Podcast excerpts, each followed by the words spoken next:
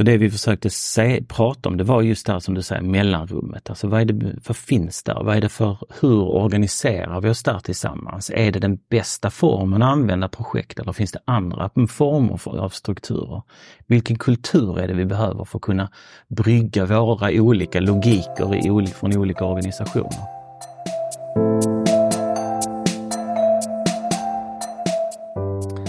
Du lyssnar på Engagemanget och du hörde precis dagens gäst Joel Weborg som tillsammans med Therese Bergsten och Mikael Sandgren precis startat upp initiativet Sustainable. Det är ett superspännande initiativ tycker jag med syfte att hjälpa oss att navigera rätt i komplexiteten i våra samtida samhällsutmaningar. I den här podden hör du samtal om hopp, för trots att vi lever i en värld av katastrofer, pandemier, krig, fattigdom och allt annat elände finns det trots allt massor av positiva krafter. Människor som gör gott för andra, för ett samhälle som håller ihop. Här får du höra om deras drivkrafter, tvivel, framgångar, motgångar och drömmar. Deras story helt enkelt. Jag vill att de här samtalen ska ge dig tillförsikt till framtiden. Att du inte är själv i ditt värv och vilja att skapa en bättre värld för oss alla. Min vision är att det här ska vara något slags poddarnas hoppets hamn. Genom dessa berättelser kanske det till och med växer en gnista hos dig kring något du vill förändra och att du känner att det faktiskt är möjligt att ta saken i egna händer. Och att ta saken i egna händer tycker jag stämmer utmärkt in på Joel. Även om man alltid bubblar av positiv energi och framtidstro så finns det också en frustration där. En övertygelse om att vi skulle kunna göra så mycket bättre om vi jobbade tillsammans på tvärs av sektorer och organisationer på ett effektivt sätt. Så efter att ha jobbat många år inom den idéburna sektorn, bland annat på Rädda Barnen och Sensus, så har han nu tillsammans med tidigare kollegor startat initiativet Sustainable, the space in between. Vad är deras tankar framåt? Varför behövs de? Vilken förändring vill de vara med och skapa? Vad menar de med the space in between? Som du hör, mycket att ta itu med här. Så nu hoppar vi in direkt till samtalet med Joel. Håll till godo och hoppas att du ska gilla det.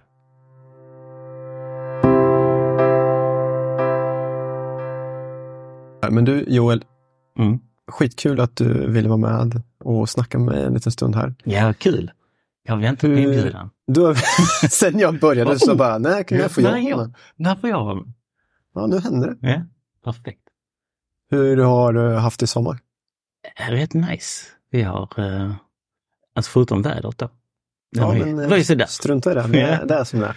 Ja, nej, dels eh, avsluta en tjänst och sen eh, börja påbörja testa livet som arbetslös har jag gjort i ett par veckor nu. Mm. Det minns jag inte sedan 2009.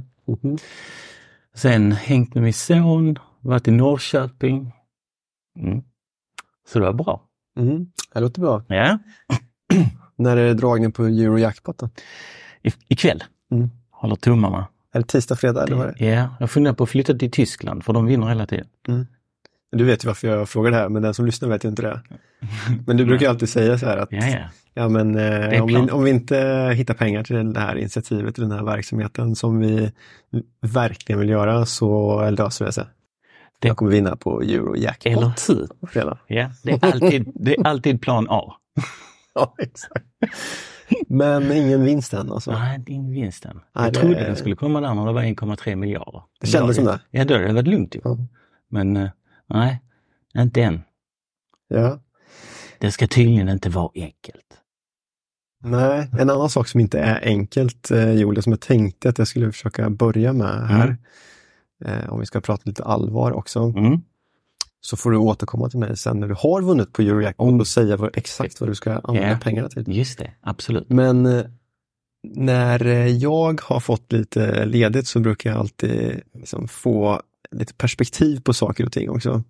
Och då börjar jag alltid ifrågasätta vad jag sysslar med. Och speciellt eh, kanske när jag åker hem, eller alltså hem där mina föräldrar bor. Mm. Och de frågar mig så här, vad sysslar du med egentligen? alltså inte på det sättet, men du vet. Ja, ja, ja. Vad sysslar du med egentligen? Ja, den frågan får man ofta. Ja. Hur ser du på det där? Vad, hur, hur svarar du på en sån fråga? Jag har lite olika svar. när jag pratar med min son, som inte Mm. riktigt heller fattar något, så brukar jag säga, men jag hjälper andra att bli ännu bättre än vad de redan är på sitt jobb. Okej. Den. Det är liksom, Mm. han bara, ja okej, ja. Hyfsat fattar han då. Accepterande. Ja, tycker han. Eh, det är, det är okej liksom som ett svar. Ja. Sen eh, annars så brukar jag väl, eh, alltså jag brukar egentligen börja med att förklara alltså komplexitet. Om man säger vad det gör det? Jo men vi är jätteduktiga på allting vi gör. Mm. Men vi är alla är riggade och tränade för att jobba med de komplicerade problemen. De som vi kan planera för, de som vi har egen rådighet över. Men de komplexa utmaningarna, alltså miljöfrågan, eh, kriminalitet, ungdomskriminalitet, segregation. Där har vi inte riktigt hittat den, för vi har inte egen rådighet över det. Det är ingen som själv kan lösa det. Nej. Och då brukar folk, eh, när man pratar om själva problemformuleringen, så brukar folk, ja, ja men det här, vi får ert jobb också. ja." För det, alla har den utmaningen, att man inte kommer åt de frågorna som man behöver andras hjälp för. Mm. Så ja, men de grejerna, där samlar vi folk för att jobba tillsammans för att försöka hitta vägen fram till dem. Just det. Det var hyfsat enkelt förklarat ändå. Mm. Men det är ju fortfarande så här att man inte kan säga att nej men eh, du vet, jag släcker bränder eller jag skriver i tidningen. Nej. Nej. Är man trött på det så är man, jag är processledare. Ja, men där kan du fortfarande inte gå till din sons klass och göra en presentation så här. Nej. Vad jobbar du med? Jag är processledare. Mm. Vad fan är det för någonting? Har en, en av mina favoriter som jag också hade numret namn att, att man tänker att man ska bjuda in till ett knyckkalas. Mhm. Och så är alla, alla är duktiga på sina grejer och gör sina rätter. Eller någon är bra på att göra bröd och någon är bra på att göra efterrätter. Eh, Så det jag brukar syssla med det är att eh, se till att det finns ett bra bord, alla har stolar och att det är dukat för att vi ska kunna äta tillsammans. Ja, just det, det är det du har jobbat med Ja, under väldigt lång tid. Men eh, och, om, om man ska säga någonting om varför du gör det du gör då, kan Mm. du sätta ord på det tror du? ja, tror jag. Varför är det viktigt för dig? Ja, men det, jag tror det handlar om alltså, under tiden man har jobbat. Jag jobbade innan på en annan organisation. När man jobbade med eh, helt enkelt med att stötta unga i socioekono- socioekonomiskt utsatta områden. Och, och då behöver vi hitta rätt enkla metoder, för det är inte så himla svårt att få folk engagerade och se om, de, om man kan hitta svaren eh, hos sig själv. Så, men när vi sen började försöka påverka de frågorna som vi ville jobba med, så mötte vi väldigt mycket välvilliga andra organisationer. Men det gick ändå inte. Jag vet, och då började jag liksom tänka vidare på varför, vad är det som in, varför, varför klämmer skon där då? Och sen har jag sen, alltså i princip 2013 hållit på med att titta på olika samverkansformer och titta på olika teorier och, och projekt och liknande. Eh, för att försöka komma åt de frågorna. För att det är jag känner så här, men bygga vägar, alltså de, folk är riktigt bra på det. Så var är, var är det vi inte lyckas tillsammans idag? Det är där jag tycker det är spännande att vara. Mm. Och, och jag brukar säga så här om de jag jobbar tillsammans med, Mm. även om inte vi är i samma organisation så brukar jag säga så här, men vi är kollegor ju. Mm. Och, och vi har massor av olika kollegor runt omkring Mm. i stan. Mm. Eh, om man jobbar lokalt. Mm. Eh, och jag, jag tänker, för min egen del så har det funnits väldigt mycket spännande, positivt, intressant i att jobba i vad jag kallar mellanrummen. Mm. Men lika mycket frustration. i det.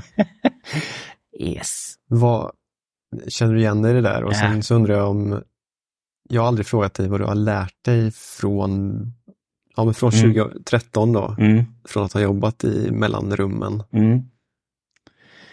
Alltså det, först och främst så handlar det väl om någon form av liksom envishet. Att man hittar någon fråga, så bara, men det här har ju ingen tittat på. Och sen när man pratar med folk om den, alltså första gången när vi började prata om samverkansstrukturer 2013, alltså folk tittade på mig som att jag hade typ Varför då, tror du? Alltså det, Vi börjar prata om det här och försöka sätta ord på det här med mellanrummet. Mm. Och de flesta, flesta strukturer som vi jobbar i hamnar vi i ett samarbete kring aktiviteter. Och då kan vi lyckas bygga, då finns det former för det eller strukturer för det. Så till exempel projekt. Där vi har blivit, blivit rätt duktiga på. Och sen finns det några då olika former av samverkansavtal och liknande. Men de riktar sig nästan alltid bara just till, en, till någon form av en aktivitet som vill påverka något större. Men vi sätter inte ord på det där större. Och det vi var ute efter, det var att hitta andra strukturer än de projektformerna som fanns, eller samverkansformer. Massvis med roliga mm. stories när man har pratat om det här med folk. Så det vi försökte se, prata om, det var just det här som du säger, mellanrummet. Alltså vad, är det, för finns där? Vad är det för, hur organiserar vi oss där tillsammans? Är det den bästa formen att använda projekt eller finns det andra former för, av strukturer? Vilken kultur är det vi behöver för att kunna brygga våra olika logiker i, från olika organisationer? Så det var väl det som som jag snöat in på rätt mycket, alltså framförallt sedan 2018 när vi började med Forward Malmö. För att ja, men det är, måste vara någonting annat. Och det var då vi ställde frågan till The Outside. Kan ni hjälpa oss att bygga någonting som inte vår organisation äger? Som vi inte vet hur det ser ut eller vart vi ska någonstans. Så sa de absolut. Tänkte jag, hur gör man det här? det, två saker. Mm. Forward Malmö som var mm. ett initiativ, en, kan man säga, en, nu i efterhand, så som jag ser det på, var en tankesmedja väldigt yeah. mycket. Och eh, The Outside är ju ett eh, konsultföretag yeah. som jobbar med komplexitetsfrågor. Yeah. Systemförändring. Det de, det de har gjort, som, mm. jag, all, som jag har hakat upp mig i mm. väldigt mycket, jag tror vi kommer tillbaka till lite grann. Så mm. de, det de säger är ju i princip börja någonstans. Mm. Gör det inte så himla... De, de är ju bra på att prata mm. om komplexitet på det sättet att mm. de inte gör det. De gör det svårt, men samtidigt ganska enkelt yeah. i att tänk inte så mycket, börja med någonting, vad är det som är mm. väldigt angeläget att jobba tillsammans kring? Yeah. Om det är barnfattigdom eller hemlöshet eller mm. om det är någonting annat. Liksom. Så yeah. Börja någonstans. Eller hur? Och det de, det de jag, det jag lärde mig där, det var väl just att kunna plocka ihop olika bitar. Alltså det handlar om att vi måste göra någonting ihop. Det räcker inte med att vi bara pratar. vi måste ha någon form av en organisation och det är inte din eller min organisation, organisa, organisering, det är vår. Mm. Så hur bygger vi minsta möjliga ordning och kunna vara där tillsammans? Just det. Och sen måste vi ha kultur. Eh, och kan vi jobba med, och det var ju där de, deras arbete, dels hur de, hur de var i sitt arbete, men också själva modellen. Det var första gången som jag såg alla de tre delarna, för vi hade provat massa andra olika systemteorier och mm, eh, modeller helt enkelt. Ja. Där saknades alltid något till den här just för när man börjar titta på just systemperspektiv eller komplexitet så är det, allting hänger ihop med allt och sen får man huvudvärk och vill gå hem. Ja, eller hur? Ja, men det är som du säger, men det är bara att hitta en sak och börja med den. Mm. Men tänk på att bygga på alla nivåerna. Man ja. måste bygga, göra en aktivitet, man måste bygga organisation, man måste ha en kultur. Just det. Och det utvecklar alla de delarna. Jag kan inte vänta med någon av dem utan de, alla de samtidigt. Men de sa väl så här va, put something in the middle that matters. Mm. Det är det jag tänker yeah. tillbaka till hela mm. tiden. Så om det, om det som man lägger i mitten mm. är tillräckligt angeläget mm. så kommer man också anstränga sig mer för att hitta de former som krävs och för yeah. att bygga den kultur som krävs och så vidare. Yeah. Men det jag tänker på när jag frågar dig om så här, vad som är, är jobbigt eller har mm. varit jobbigt, om jag bara får dra en mm. reflektion själv på det, mm. så är det ju att eh, jobba på tvärs och tillsammans med olika organisationer kräver ändå att du hela tiden förankrar tillbaka till din egen organisation, mm. eller hur? Yeah. Och det där är en stor frustration för mig har varit mm. eftersom att min egna organisation kanske inte har hängt med mm. i den utveckling som vi har gjort när vi har organiserat oss. Yep.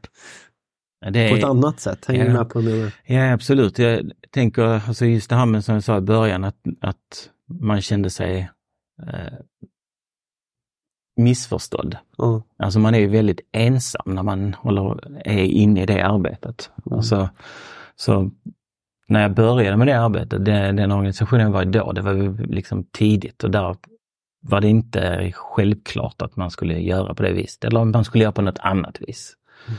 Mm. senast när jag jobbade nu så hade vi liksom en, en grupp som, som förstod det. Vi hade en ledning som förstod oss också att det här är någonting annat än när vi jobbar med dem i de mer komplicerade frågorna.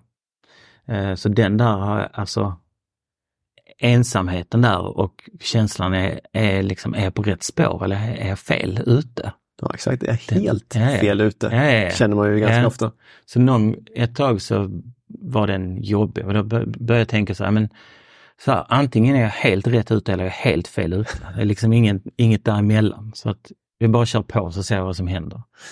Ja, men nu har ni eh, startat eget, eller hur? Ja, det är ett initiativ än så länge. Eller vad, vad är det för någonting? Så, det, det, Sustainable. Mm, precis. Vill du Ja, vi håller på att titta på alltså dels någon form av en hybridorganisation blir det. Ja. Som vi tänker på organiseringsformen. Vad betyder det då? Att det är någon form av förening, eh, mm. alltså ideellt, den ideella identiteten är viktig i det här arbetet eh, för många av, av de som jag mm. känner och har jobbat med. Mm. Eh, men vill, vill också kunna skapa möjligheterna till att testa just företagsspåret med. Så vi har inte helt satt hur den ska se ut än. Men Sustainable kommer från de erfarenheterna vi har gjort under de här 15 åren. mm. Börja fundera på helt enkelt, alltså vad är, det vi, vad är det som krävs för oss att ta nästa steg mot ett, ett hållbarhetsarbete? Och de pusselbitarna finns på olika håll. Men vi såg ingen som riktigt kunde lägga alla dem tillsammans så som vi kände att men det, här, det är det här som vi behöver kunna ge vidare. Och då handlar det om att kunna jobba på individnivå, på teamnivå, eh, organisationsnivå, ledningsnivå och samhällsnivå. Och där har vi erfarenheter och verktyg för alla de nivåerna nu också. Mm. Så det är spännande. Och Able, alltså jag gillar ju den idén med, med, med det stora året, för det handlar inte om att, att vi kommer med någon färdig skiss eller någon färdig lösning. För att lösningen finns antingen i, din, i ditt samhälle eller i din organisation eller i din grupp. Det bara, handlar bara om att kunna frigöra den kapaciteten som faktiskt finns. Ja, så ni säger i princip att ni kan själva Absolut. Ni eh, ser till så att de förstår yeah. att de kan själva. Yeah. Så vi hjälper dem att lägga det pusslet helt enkelt. För att mm. se, men hur tar vi oss framåt i den här komplexa utmaningen som vi har? Mm. Mm. Och där, så då handlar det inte om att gå in och bygga någon, någon eh, karta eller någon struktur för ledningen och sen gå vidare med, utan det handlar om att kunna jobba på alla de här nivåerna. Um, helt enkelt. Och att kapaciteten finns där. Alltså det var en, en som jag gick en kurs för som heter Monica Sharma som är helt fantastisk, som är värt att titta upp. Hon sa att gör inte komplexa saker komplicerade. Det gillar jag. Eller tvärtom kanske också? Nej, eh, alltså komplex, komplex det är mm. egentligen, det är mycket mer, alltså det sitter i oss. Eh, mer än det komplicerade. Där behöver vi expertis. Mm. Det är ingen som kan hitta på att bygga ett hus bara, utan vi behöver kunskapen om det. Men i det komplexa handlar det egentligen om basic eh, relationer. Alltså hur ser jag till att kunna förstå så många människor som möjligt och deras perspektiv eh, och, och få dem att kunna verka tillsammans. Alltså det är, och då tänker jag att de flesta av oss har väl någon liksom erfarenhet av det med eh, i relationer. Eh, brukar tog något exempel på en utbildning vi hade att, men det är väl ingen som har, när man ska uppfostra ett barn, så det är ingen som har en projektplan för det, hoppas jag. Med, med, olika delmål, en budget satt till det och en styrgrupp som ska komma in. Utan då jobbar vi väl organiskt och tittar på den relation där det utvecklas över tid mm. och tar olika håll och vi vet inte exakt vad det är.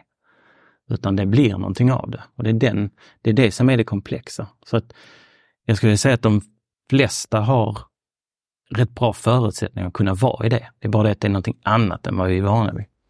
i annat som vi är vana vid i jobbsammanhang i alla fall. Ja, precis. I övriga livet som sagt så kanske det faller oss mer naturligt Yes. eh, att, Mm. att, att vara i det fast vi inte tänker på det eller sätter Ja. ord på det Ja, på det sättet. precis.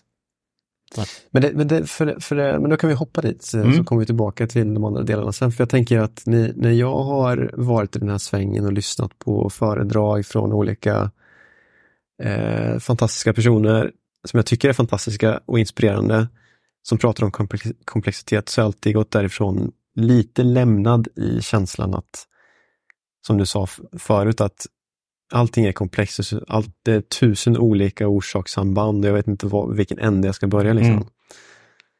Och då har jag tänkt så här, men det måste finnas något sätt att eh, agera Mm. i komplexitet. Ja. Och den pusselbiten har jag faktiskt saknat och ibland Mm. känner jag att jag har den och sen så försvinner den. Mm. Så jag är fortfarande lite grann i det där, Mm. hur fasen ska man...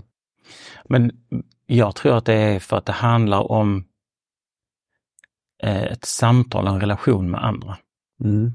Det är det inte jag är så bra på alltså. Nej, det var det jag menar. Utan jag menar på att jag kanske, din förra organisation är inte byggd för att hantera komplexitet. Nej. Så när du kommer in, i, kommer hem med en erfarenhet, du har kanske varit i ett, ett sammanhang och så du testa de erfarenheterna. Ja, men det, då blir man inte förstådd. Så att då känner man, oh vänta, jag har en upplevelse, en erfarenhet, vill testa den, men ingen annan kan dela med, med mig på hemmaplan. Mm. Och det är det som jag, som jag tycker är viktigt att tänka att, för vi har provat massa olika grejer nu. Vi har byggt Forward Malmö som en tankesmedja, en prototypverkstad. Vi har byggt Hållbart Helsingborg som Mm. är likadan. Och där vet vi att ja, men här kan man samlas och testa saker. Men om jag inte har min organisation i ryggen så får jag svårt att få tid för det eller mandat för det eller liknande. Så din organisation behöver förutsättningar att kunna stödja dig när du är där ute och, och, Mm. och testar och förstår nytt i det komplexa.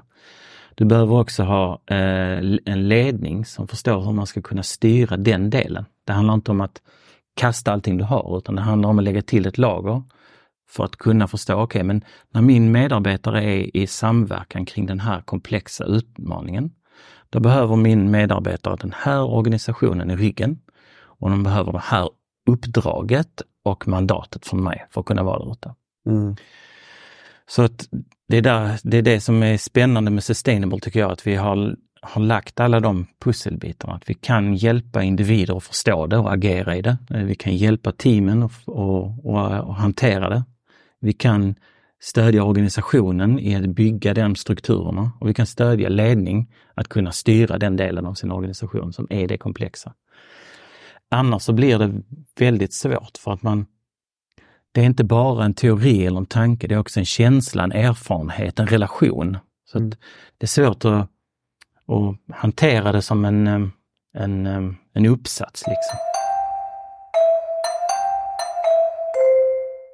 Det finns så mycket i det här som Mm. är spännande tycker jag. Men det, det kräver ju egentligen också att vi tänker, tänker om kring väldigt mycket Mm. i allt vi gör, hur vi har lagt upp eh. Om vi pratar om projekt till Mm. exempel, och tar det som ett exempel här. Ett projekt är ju uppbyggt på ett eh, start och ett slut. Mm. Och sen eh, så är det ju så att man sitter och planerar projektet på förhand Mm. och du lägger kanske ett sånt här Gantt-schema Mm. eller du vet, tidssätter Mm. saker. Du tänker ut vilka effekter saker och ting ska få och så vidare. Mm. Men, men det stämmer ju väldigt dåligt på verkligheten egentligen. Mm. Och sen Det- när man väl är i ett sånt projekt, då vill du ju vara duktig. Helt Ja, enkelt, ja. tror jag. Som människa så vill du vara duktig och leverera. Så då är du väldigt stringent emot det som står där och det funkar kanske inte alltid. Mm. Om du har tur funkar det. Men det finns inte inget utrymme till att bara säga, nu funkar inte det, den här lösningen, vi måste testa något annat. Mm. Hur gör vi det och hur kan, utan att jag får skit för det, Ja. min närmaste chef. Ja, det är jättesvårt. Vi har provat i olika, det finns ju rätt bra, tänker, bra erfarenheter av när Mm. vi har, gör det där, testar det. I Malmö har vi gjort fantastiskt mycket bra eh, eh, verksamheter. Ehm, men projektformen i sig är ju egentligen till för att lösa de komplicerade problemen. De vi kan se lösningen på. Så det är det som blir utmanande, för det är två olika logiker. det, är, det är jättesvårt. För att vi kan inte heller få handlingsutrymmen i organisationer eller finansiering och liknande att vara på en plats och säga, men vi vet ingenting riktigt utan vi bara testar oss fram. Eh, men någonting, någonting vet man ju alltid. Yeah. Det jag tänker om, om ja, man till exempel ser på, i Malmö så har vi väldigt hög barnfattigdom till exempel. Mm. Det är ett problem som mm. vi borde lägga mycket mer resurser på, mm. tycker jag. Då. Mm. Ja, eh, så, vi, så vi vet ju, eller så har vi gängkriminalitet, så vi mm. vet liksom vad problemet är. Mm. Det är bara det att det kanske inte kan lösas på, på ett, som ett typiskt projektplaneringssätt. Nej. Som går från A till B till C och så vidare. Man skulle kunna, tänka mig, vissa frågor, när vi, för där finns ju också mycket vetenskap kring de här, så mm. vi skulle kunna bygga upp projekt, kanske 10-15 olika projekt. Men det måste finnas något, en samlande kraft som håller tag i de där. Mm. Och den plattformen, den saknar vi ofta. För att vi har, vi befinner oss i de där projekten, men det är ingen som kopplar ihop projekten. Vet du vad jag tänkte på mm. igår? Eh, satt och bara slöa, kolla på Aktuellt eller Rapport, mm. vad det nu var. Och så pratar man ju nu såklart om vädret som mm. har varit nu senaste dagarna. Där eh, vi har haft oväder. Mm. Och eh, översvämningar på många håll. Både i Sverige, Norge och på andra ställen. Mm. Och så säger de precis där att eh, hur eh, ska vi bli bättre förberedda på nästa mm. Katastrof eller mm. kris? Mm. Ja, eh, vi behöver liksom sluta upp och jobba i stuprör så mycket som vi gör. Mm. Jag tänker, ja det gör vi, så hanterar vi allting ja. i princip. Ja. Och det är ingen som har förmåga att ta det här helhetsgreppet. Mm. Ja, det är, och där tänker jag igen, alltså jag älskar ju Kinefen Framework. Det är ett ramverk för att titta på hur, vad är det för olika problem vi har. Alltså är det ett uppenbart problem, är det komplicerat, komplext eller kaotiskt? Och de kaotiska problemen tänker jag mig att, alltså, när vi väl, när det är brand, brandkårsutryckning så att säga, de är vi rätt duktiga på att liksom hantera när det väl händer.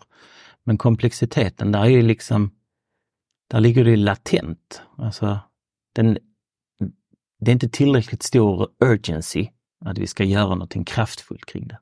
Nej, för du vet ju inte vad det Nej. kan komma att bli nästa Nej. gång. Eller hur? Förmodligen är det inte översvämningar eller något annat nästa mm. gång. Mm. Och svaren finns ju faktiskt hos dem, alla de som jobbar med de här frågorna.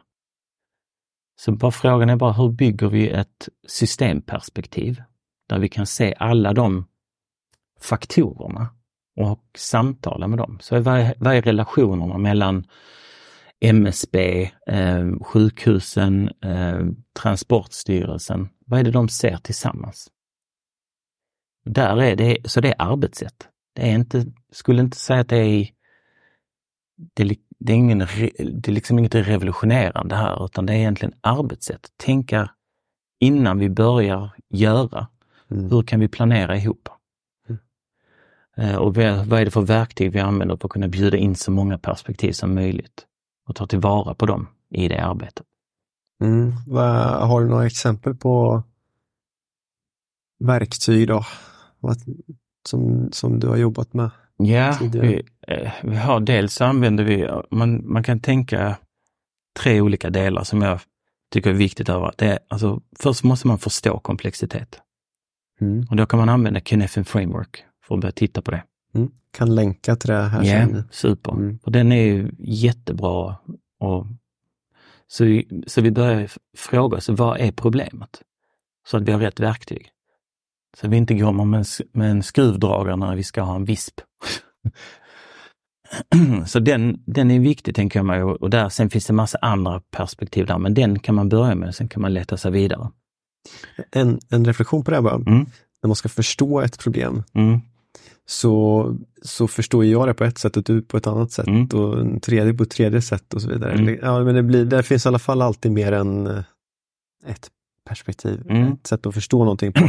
Så den, det steget blir ju ganska avgörande, Jätte, jätteviktigt. eller hur? Ja, alltså jag tänker att jag brukar ta exempel på uppenbara problem. Alltså som innan jag gick hit här så tittade jag ut på min gräsmatta och den var, den var, den var för hög. Ja. Att det, och då sa jag, men problemet är att den är för hög. Du, då, kanske, då kan vi börja fundera på, ja, men du kanske vill ha en vildvuxen gräsmatta eller vill du inte? Då, vi kommer rätt snabbt fram till liksom, vad är problemet? Det är rätt uppenbart. Eller om det är ett problem. Ja, då, det här då får fallet. vi, precis, där får vi kanske fundera om. Men då blir det också rätt hyfsat enkelt att börja titta på lösningarna. Alltså, ja, men det, tycker vi att, är vi överens om att det är för högt, ja men då ska vi klippa det. Och det finns bara ett sätt att göra det helt enkelt. Så kanske vi använder olika verktyg, men vi klipper det. Har, vi, har vi klippt och säger nu är vi nöjda och det fortfarande är långt, då har vi misslyckats. De komplicerade problemen, där finns ju mycket expertis kring det. Så det är det som alla, och det ska vi tänka på att alla som sitter på olika former av yrken eller erfarenheter idag är extremt duktiga på sina, sina frågor. Jag skulle vilja säga att vi aldrig varit duktigare än vad vi är idag på våra frågor. Om man sitter på en teknikförvaltning eller om man är IT-proffs eh, eller vad det nu skulle handla om. Så där, där kan vi ofta vända oss till expertis och det är det vi gör ofta. Vi vill ofta höra någon som är den som är experten som säger, men så här ska vi göra. Eh, komplexiteten, det är där det börjar bli tufft med den. För där vet det är jättesvårt att säga vilket är, det finns inte ett problem eller en utmaning, det finns många. Mm. Så där behöver vi börja tänka riktigt ordentligt på. Där kan vi inte planera allting innan utan där måste vi luta oss tillbaka och börja fundera på vilka personer har kunskap i det här? Vad finns det för expertis vi kan använda oss av? Ehm, är det någon vi har missat i frågan?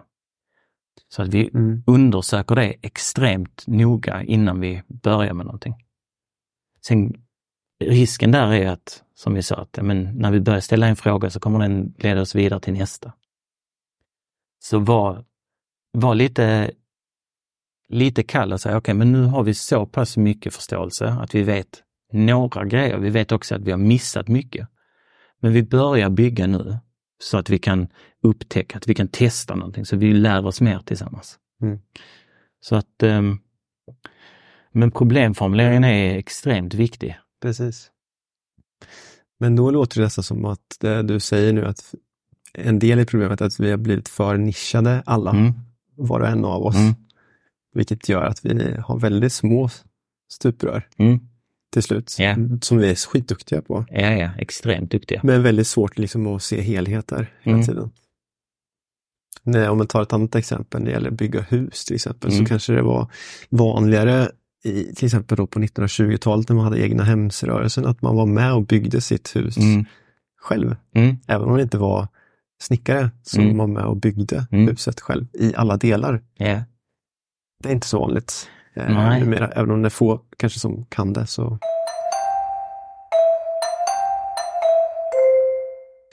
Men du, jag vill eh, hoppa till en grej Mm. Ja. här. För att när, när vi pratar om komplexitet så måste vi prata om hållbarhet, eh, Mm. tycker jag. Så, och det, det är också så som jag ser det utifrån och så som ni har kommunicerat hittills på LinkedIn och så vidare, Mm. så är, vill ni ju röra er inom hållbarhetsområdet, Mm. vad nu det är för någonting. Eh, svårt begrepp, Japp. tycker jag. Men om du får börja med att försöka och säga vad det, vad det betyder för dig eller för er, får du Mm. välja. Om man tänker för mig så är det väl, sitter man väl någon sån här med någon form av vision eller utopi. Det är där, där jorden mår bra och människorna mår bra. mm, Eh, Det är inte så lätt att hantera. Så, så jag tänker mig att det har ju eh, Agenda 2030 hjälpt till jättemycket. Alltså, när vi börjar prata om, om svåra eller ohållbara frågor innan det, det, det blev stort så var det ju, för då, det blir mycket upp till betraktarens öga eller min, min idé om vad det hållbara samhället är. Men Agenda 2030 skulle jag säga ändå är den som, som vi förhåller oss till. Eh, i vår tanke när vi pratar om hållbarhet. mm, Eh, sen kanske man kan ställa sig frågan som jag hittade ett företag som heter Dare Disrupt i Köpenhamn. Okay. De utforskar för närvarande vad finns bortom hållbarhet. Mycket spännande. Vi är inte riktigt där. Utan vi förhåller oss till Agenda 2030. Men också tänka mig på tänka IDG, alltså Inner Development Goals. Just det, förklara det. Det är en, grupp som så, ja men Agenda 2030 säger, säger oss vad vi behöver göra. Vad är det för frågor som vi behöver jobba med? In, Inner Development Goals säger också att hur behöver vi vara för att kunna uppnå det? För att Agenda 2030 är inte, det är inte olika delmål utan det är någonting som hänger ihop. Och den hänger ihop med eh, mål 17 som handlar om globala partnerskap och att vi behöver samverka på de olika hållbarhetsytorna mellan ekologi, socialt och ekonomiskt. Mm. Vi kan inte bara ta en fråga och tro att vi kan lösa den, utan alla de här är beroende av varandra. Då behöver vi också kunna arbeta på ett annat vis. Och Inner Development Goals har börjat utforska det på ett fantastiskt bra sätt, tycker jag. När de också säger att ja, men vi behöver vara någonting annat för att kunna också jobba i det där som är Agenda 2030. Så de två förhåller vi oss rätt mycket till här, just att det handlar om att jag behöver lära mig nytt. Jag behöver kanske ändra perspektiv. Eh, vi tillsammans behöver göra det när vi jobbar. Vi behöver en organisation som hjälper oss i det. Och vi behöver en yta där ute där vi kan jobba tillsammans för att lösa de här trixiga frågorna. Mm. Ja, men det är olika delar i hållbarhetsbegreppet mm. eh, också. Vi prat, kan prata om social hållbarhet eller mm. ekologisk hållbarhet till exempel. Eh, jag börjar fundera på att det också finns målkonflikter mm. i Agenda 2030. Yeah. I de olika målen. Och nummer två är att jag börjar höra kritiska röster till, mm. till Agenda 2030. Att det är eh, mycket i det som ändå bygger på så som vi alltid har gjort. Mm. Till exempel, vi pratar om tillväxt. Mm. Den nöten är väldigt svårt för mig att knäcka. Liksom. Yeah. Vi ska kunna vi pratar om hållbar tillväxt. Jag vet inte mm. om någonting sånt finns egentligen. Det är det jag är ute efter. Här. Mm. Eller hur man ska tänka om det där. För att mycket av vår samt, alltså så, så, så, bra som vi har det idag så har mm. vi aldrig haft det. Mm. Eller hur? Mm. Vi har ju allt vi kan tänka oss och mycket, mycket mer än vi mm. behöver egentligen. Yep. Och om vi ska fortsätta bygga våra liv kring det, att mm. hela tiden ackumulera mer och mer och mer, så är inte det, det kommer ju bara leda oss åt fel håll. Och lite de målkonflikterna ser jag fortfarande mm. finns i Agenda 2030. Yeah. Mycket goda intentioner men det saknas någonting fundamentalt i det som handlar om det du var inne på, mm. det här med att tänka om lite grann hur mm. vi är som människor, hur vi är mot yeah. varandra och mot naturen och allting mm. runt omkring oss. Jag tänker många gånger också när vi, när man nej, så ska göra verkstad av Agenda 2030, så är det att miljöfrågan den landar på miljöförvaltningar. Mm. Uh, och den frågan, så att igen så är vi inne på en aktivitetsnivå. Vi är oftast där, för vi, i Sverige ifrågasätter vi inte riktigt struktur. Nej. Det är en konstig grej för att det här är inte, om du börjar titta på England till exempel, så är det inte här, det är inte en, det är nästan en icke-fråga. När det är riktigt svåra frågor som de vet, vi kan inte lösa det själv. Då behöver vi kanske jobba på ett annat vis. Mm. Inte göra mer av det vi redan har gjort. Mm. Så jag skulle säga att där är en, ja för det jag håller med om, jag har en, var med och testade ett spel faktiskt kring Agenda 2030. Som var ett stort hjul där man skulle, om man tryckte på en knapp, ja men den här vill vi satsa extra på, så flög det upp andra knappar. Så att om vi satsar extra på tillväxten till exempel, ja men då ökar ojämlikheten. Och alla var men hur ska vi göra det här då? Så att inget, hur vi än gjorde i spelet så var det alltid något annat som, som vi, det gick inte att balansera helt enkelt. Nej, och frågan är ju om det överhuvudtaget är möjligt att fullt ut balansera det. Och då måste mm. man kanske göra prioriteringar mm. och våga säga att vi måste fokusera mer mm. på den här delen. Vi vet att det kommer att vara på bekostnad av andra delar. Mm. Men den här är viktigare Ja. just nu. Jag, jag vet inte om Nej, det. jag heller. Jag kan vara helt fel i det jag säger nu, men min, min tanke Ja. gick dit i alla fall. Mm, jag tror också det, men det är där som jag tänker först och främst. för När du kommer in till liksom fiskenivåer eller där jag är inte experter i expertområdena på Agenda 2030. Mm. Men jag vet att vi behöver kunna koordinera våra insatser. Och, och ibland så kanske man får göra en sån avvägning. Men då behöver vi göra den tillsammans. Och säga, men vet ni vad, nu ser vi att om vi, satt, vi behöver satsa på det här då missar vi det här. Kan vi acceptera det?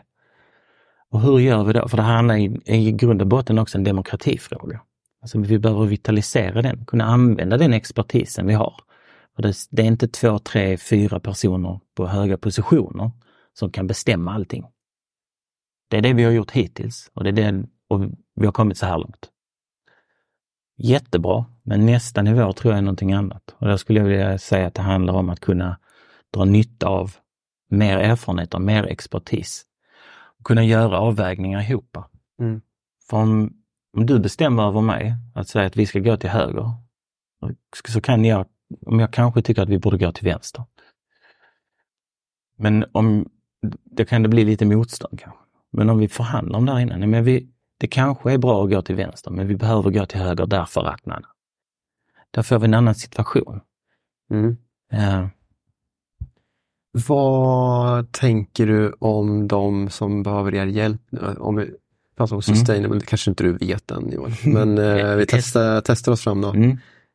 Eh, och du pratar ju om att ni är ett initiativ, du vill inte säga att ni är ett renodlat företag, så man kanske inte kan prata om kunder på det sättet heller. Men, eller Nej, kanske du kan. Jo, jag tänker Ja, att vilka vi, är det som är era kunder tror du? jag tänker så här att vi vill kunna hålla alla dörrarna öppna. Vi vill inte positionera oss i ett fack än så länge. Mm. För att det finns eh, civilsamhällesorganisationer som skulle behöva hjälp med att tänka annorlunda kring sin verksamhet till exempel. Då kanske det är lättare för oss att kunna vara en ideell organisation och hjälpa den. Eh, det kan, kanske finns eh, företag som behöver hjälp med att fundera på sitt hållbarhetsarbete sitt, eh, till exempel. Ja, men då vill vi kanske kunna använda oss av en annan del av det. Så att det är därför vi inte har exakt sagt vad är vi än så länge i organisationsform. Men det handlar om att eh, vi vet att eh, av de erfarenheterna vi gjort och de, det arbetet vi har gjort i andra organisationer. Det finns offentlig sektor som behöver hjälp med att kunna fundera på dels hur blir vi mer invånarvänliga? Hur kan vi dra nytta av eh, våra olika förvaltningar på ett bättre sätt? Vi kommer hitta inte riktigt gräns, gräns, eh, gränsdragningar är för hårda däremellan, stuprören. Mm. Eh, vet att det finns många företag som vill göra insatser i hållbarhetsarbete men de har svårt att hitta ehm, eh, hitta in på lokal nivå. För att man förstår varandra olika. Ehm, det finns ideella organisationer som, som vill lära sig mer om komplexiteten och kunna jobba på andra sätt. Så det, och det här kommer, tror, tror jag också, eskalera ju närmare 2030 vi kommer. Eh, på bara, alltså om vi börjar 2018, när, vi börjar, när jag börjar prata mer och förstå mer om de här utifrån mitt perspektiv, så är det en helt annan situation idag. Alltså när vi pratade om Ford Malmö som en plattform, så fastnade vi i frågan, vad är en plattform? Och sen fick vi diskutera och definiera en plattform. Men alltså nu är det inget, nu är det inte, det är inte ens en fråga längre. Vinnova skickar ut eh, utlysningar nu till exempel kring eh, plattformsarbete för mat, matsystemen. Eh, man börjar prata om systemteorier och systemperspektiv. Mm. Så den har faktiskt gått rätt fort tycker jag. Eh, den, den frågan. Så det handlar ju om att kunna stärka folk i det arbete de gör idag. Att kunna göra det lite bättre. Mm. Förstå en, en annan dimension och det kan vara som sagt var offentlig sektor som, som eh, vill förstå mer om det, vill hitta sätt att hantera det. Ja, Är ni, eh, tänker du att ni är en sån organisation som säger så här, egentligen borde vi inte behöva finnas? Absolut. Jag tänker, mig- alltså jag, jag tänker så här att eh, det är därför också lite så här att du- jag kommer från liksom det ideella perspektivet i det här. Alltså för hundra år sedan eller lite mer så gjorde vi en, en resa till moderna Sverige som civilsamhället var med och drev rätt hårt. Ja, mycket. Där skulle jag vilja att civilsamhället är idag också. Så att jag, eh, att kunna säga att men vi behöver, vi behöver ta det, det här ett steg längre helt enkelt. Ja, det var ju intressant att du sa det. Mm. Eh, Bara igår så satt jag och eh, såg på olika innovationer som civilsamhället varit med och Mm. drivit fram i det svenska samhället. Mm. Eh, och det finns en lång lista på det, Mm. allt ifrån eh, apotek, eh, förskolor, äldrevård, eh, hemtjänst, Mm. bibliotek. Mm. Ja, kan fortsätta ganska länge. Ja. Men tycker du att eh, civilsamhällesorganisationer har stelnat till lite grann? eller? Det stelnar till. Man har, alltså det är det här vi, vi, befin, vi befinner oss i en struktur nu, eller ett system som vi har varit i rätt länge, så 50 år kanske. Så finansieringsströmmarna för civilsamhället ser ut på ett visst sätt. Eh, Man har medlemmar, man har, man har eh, organisation och målgrupper att tänka på. Mm. Man blir beroende av de finansieringsströmmarna.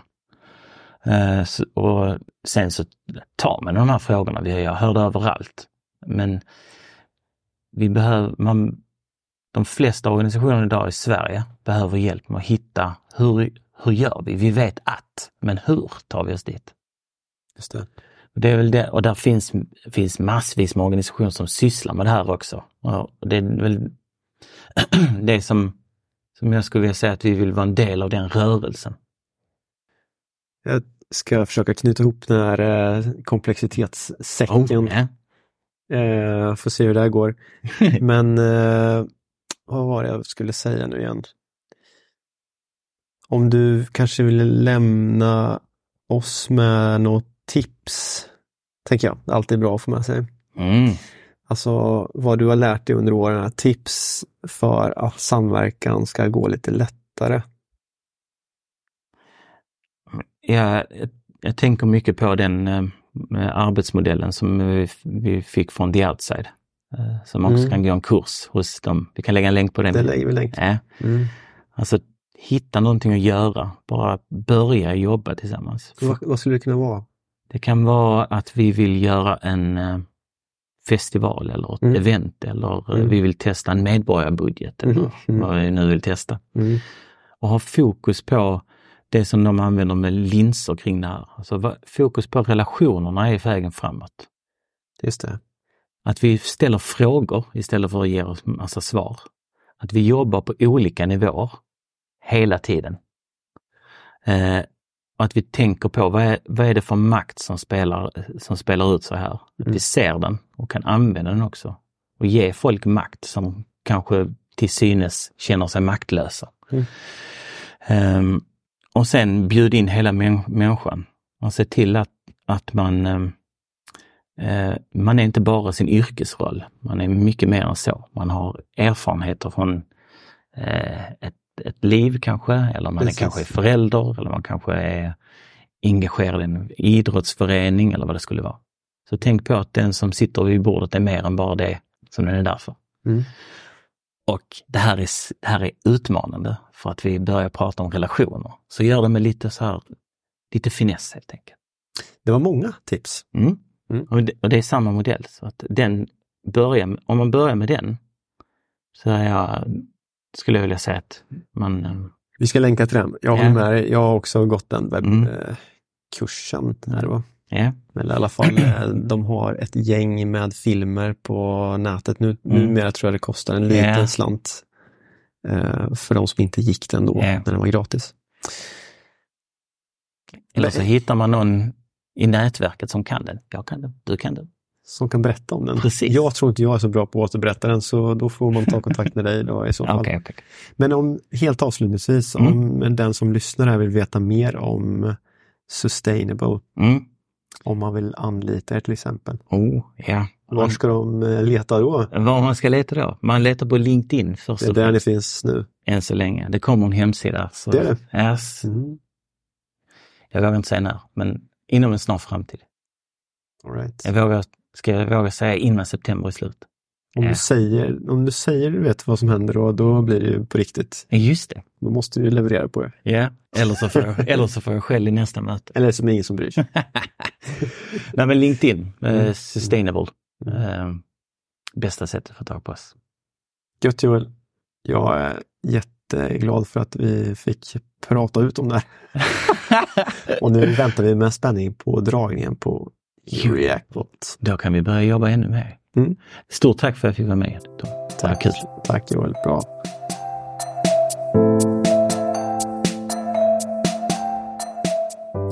Det var allt för idag. Tack för att du har lyssnat. Om du gillade det du hörde så skulle jag bli hemskt tacksam om du delade avsnittet vidare i ditt kontaktnät.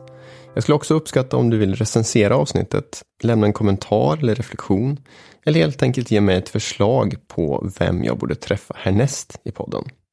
Numera hittar du även engagemanget på Instagram där jag kommer att göra löpande uppdateringar om podden. Så håll utkik där. Allt gott och ta hand om dig.